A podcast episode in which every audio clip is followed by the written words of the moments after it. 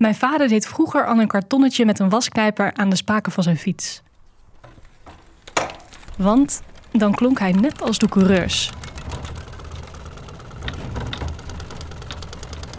Mijn vader komt uit Assen en vlak naast de stad ligt een beroemd motorcircuit. We noemen het het TT-circuit. En in het laatste weekend van juni is hier dan de Grand Prix, een wereldwijd bekende motorrace.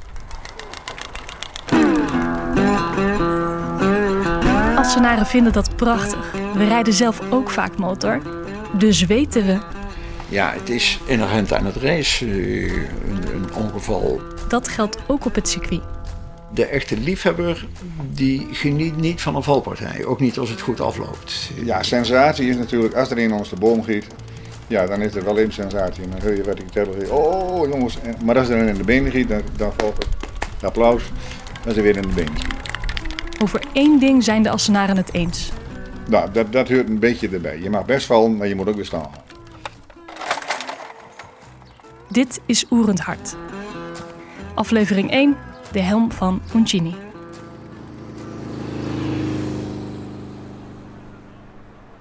Het is zaterdag 25 juni 1983. En het is wat bewolkt en droog. Ge- Gewoon normaal TT weer. Goed TT weer. Dick Hendricks is 36 jaar als hij in politieuniform rondloopt over de parkeerplaats bij het TT-circuit in Assen. Ja, ik had dienst bij de reservepolitie. Dus wij moeten de auto's parkeren. En als de auto's parkeerd waren, dus de grote toestroom west was, dan waren wij vrij totdat de auto's weer weg moesten. Of, nou ja, En, en in die tussentijd moesten we eigenlijk patrouilleren tussen de auto's, opdat er niet te veel stolen weer. maar om bij die auto's te blijven staan, daar heeft Dick niet zoveel zin in. De auto's op de plek waren, dan peerde ik hem dat circuit. Nou, wel mooi hè? Jo, en dan ging ik weg. Dick geniet van de motorsport. En op deze 25 juni wordt de koningsklasse verreden. Dat betekent dat zo'n 40 motoren van maximaal 500 cc tegen elkaar racen op het beroemde TT-circuit in Assen. En dat je op zo'n snelheid, dat je met een snelheid van, van, van 300 plus op een bocht aankomt. En dan, dan, dan precies op het goede moment kan remmen, dat je net die bocht maakt. Nee, dat, dat, is, dat is leuk. Dames en heren, jongens en meisjes, hartelijk welkom. Het weer is prachtig. Het blijft een hele mooie dag te worden. Het blijft ook een hele Dus de oude houten tribune, dat was een soort een duiventil ingemaakt, helemaal bovenin. Eh, En alle mensen die zaten daar dus voor. Brabander Jan de Rooij is de stem door de speakers op het circuit. Mijn NOS-collega Melisande Scholte die zat naast mij. Mijn Led Charter zat naast mij. Chris Carter, die eh, het Engelse eh, commentaar deed, eh, zat naast mij. Dus het was aardig vol in de omroepcabine. En het belooft een mooie race te worden. Met twee Nederlanders, drie Nederlanders aan de start. Ja, heb je toch een, een, een spanning. Alsof je er midden tussen zit natuurlijk. Hè? Rush op een tiende en Barry Sheen mag vertrekken vanuit een elfde positie. En dan begint het.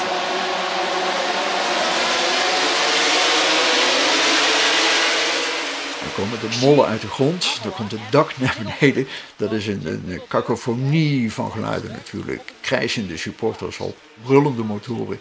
Ja, een commentator die dat probeert bovenuit te schreeuwen. Ja, heerlijk. De eerste bochten en de Bedeldijk. Een paar honderd meter verderop staan Joke en haar echtgenoot Jan Casimir. Ze staan in de allereerste bocht na de start. Beter bekend als de Bedeldijk. Dat is een heel end rechtstuk weg met een haakse bocht naar rechts. Zo'n eerste bocht, dat geeft altijd zo'n zo'n zo'n gevoel in je maag van oké, nu gaat het beginnen. En daar komen ze. Ook Raymond Rush is erbij.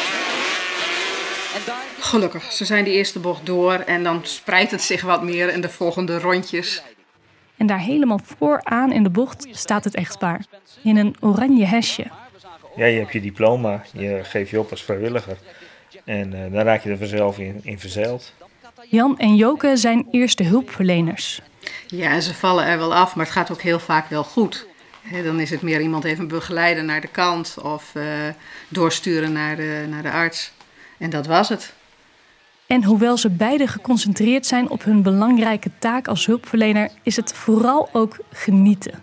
Dat zindert wat om je heen. Het gevoel dat je daar onderdeel van bent, het is gewoon leuk. En je zit op de eerste rij. met 30 Jack Middelburg en rechts binnendoor Franco Uncini. Franco Incini werd eh, in 82 wereldkampioen. dan behoor je bij de absolute favorieten. Maar Freddy Spencer pakt de leiding. In de bocht waar Joke en Jan staan met hun oranje hesjes, daar staat ook Dick in zijn politiepak. Als een raket vertrekken, Jack Oh ja, af en toe wel eens van zo, dat, gaat, dat, eh, die, dat loopt goed af. Hij geniet van de wedstrijd. Wij denken, dat kan nooit, dat kan nooit. En toch dan wurmen, zich, wurmen zich er doorheen. Dus dat is, eh, ja, ja, spektakel denk ik. De tweede ronde was er nauwelijks iets in veranderd. En in de derde ronde, toen ging het mis. de bocht naar de Bedeldijk. Even achterom kijken. Waar blijft Katayama en waar blijft Mamola? Oeh, en daar Franco Uncini eraf. Ik zie wel dat er wat aankomt, maar ik wist niet hoe zien dat was. Dus die, die ging de bocht door. En Wordt aangereden door Raymond Roche. Hij krabbelt op, loopt voorover eh, gebogen naar de berm. En daar komt, later bleek Wayne Gardner aan en die tikt hem vol op de helm.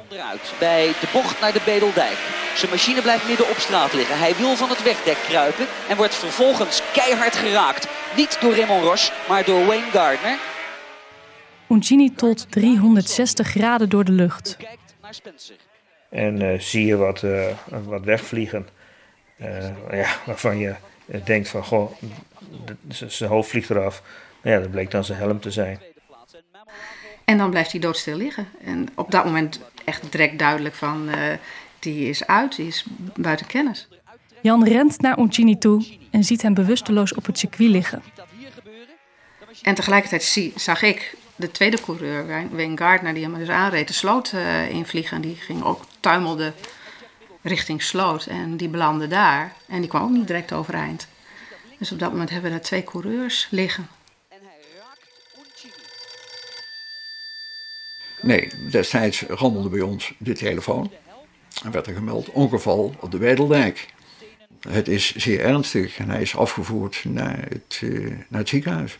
En dat vertelt speaker Jan de Rooij ook. Het is zeer ernstig en hij is afgevoerd naar het, eh, naar het ziekenhuis. En vanaf dat moment is het doodstil op de tribune. Valt stil en je hoort een soort eh, van, oh, Het anders zo drukke geschreeuw en gejuich valt weg. En dat houdt zeker nog twee rondes aan. Totdat er een melding eh, gedaan kan worden. Ondertussen zit hulpverlener Jan nog steeds bij de bewusteloze Franco Uncini. Zijn vrouw loodst Wayne Gardner naar een veilige plek. Ik liep daar met Wayne Gardner langs en dan, eh, nou ja, doe wat. Ja, dan is het wel van, eh, ge- gebeurt er niks. Maar de hulpverleners moeten wachten op een ambulance. En tijdens dat wachten, midden in de nog altijd voortdurende stilte, overkomt de reservepolitieman iets bijzonders. op enig moment komt er een bij mij bij de post, eh, word ik steun, en die bracht me de helm van Uzzini. Waarom die helm nou juist bij hem terechtkomt, dat snapte ik ook niet goed. Waarom gaat hij niet mee naar ambulance? Wa- waarom hou- houdt de medische post die helm niet? Eh, ik, ik, ik heb geen idee, maar die helm kwam bij mij. Dus legt Dick de helm maar op een strobal naast hem. En er komt een horde fotograaf aan. Persmuskieten kwam daar aan zijn nummertje aan. Want als Uncini het overleeft, dan overleeft hij het door die helm. Nou, en als je een schedelbasis hebt, dan zit die helm dan aan de binnenkant dat niet zo mooi wordt. Dan gaat bij Dick een knop om. Je bent kwaad, je donderde god voor puntje, puntje op, maar ben je helemaal bedonderd. Weet je, dat, dat soort teksten gebruik je dan. De pers verdwijnt en Franco Uncini wordt meegenomen in de ambulance. Ik was er gewoon klaar mee de rest van die dag. Ja, hou maar op. Het is niet leuk meer. En ik volg races, maar dan op dat moment ben je helemaal niet meer eh, bezig met die races en wie er wint. Het, het interesseert je dan op dat moment eigenlijk helemaal niet meer. Jan vertelt het publiek dat Uncini met de ambulance naar het ziekenhuis is. En pas dan kan het publiek weer een beetje ademen. Jan past zijn toon aan, maar moet de mensen natuurlijk wel bijpraten over het vervolg van de race. Ja, dat is, dat is eh, een domper. Dat is triest. Er zijn natuurlijk meerdere mensen of meerdere eh, rijders omgekomen op, eh, op het circuit in Assen. Maar dat is een, een smet op het evenement.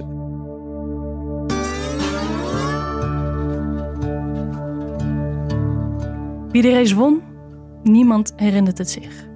Zelfs nu, meer dan 30 jaar later, staat alleen het ongeluk alle motorliefhebbers nog scherp op het netvlies. En mijn vader vertelde me zelfs dat Uncini het niet heeft overleefd.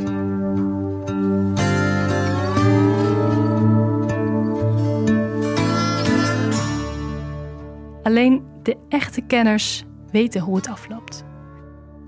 En hulpverlenster Joke is daar één van.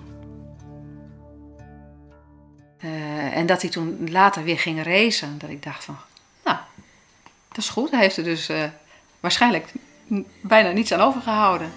En dat was onvoorstelbaar. Tegen ieders verwachting in redt Uncini het. De Italiaanse coureur gaat zelfs weer racen. En in de jaren daarna komt ook omroeper Jan de Rooij hem nog regelmatig tegen.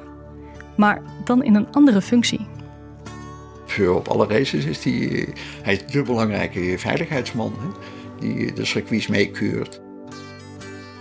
Ook dit jaar komt Uncini gewoon weer naar Assen om het circuit te keuren. De man die op wonderbaarlijke manier een vreselijk ongeluk overleefde. Oh, en als je afvraagt wat er gebeurd is met die helm van Uncini, de twee hulpverleners kunnen zich niet herinneren dat een politieman hem kreeg. En waar die helm nu dan is, dat is nog steeds een mysterie.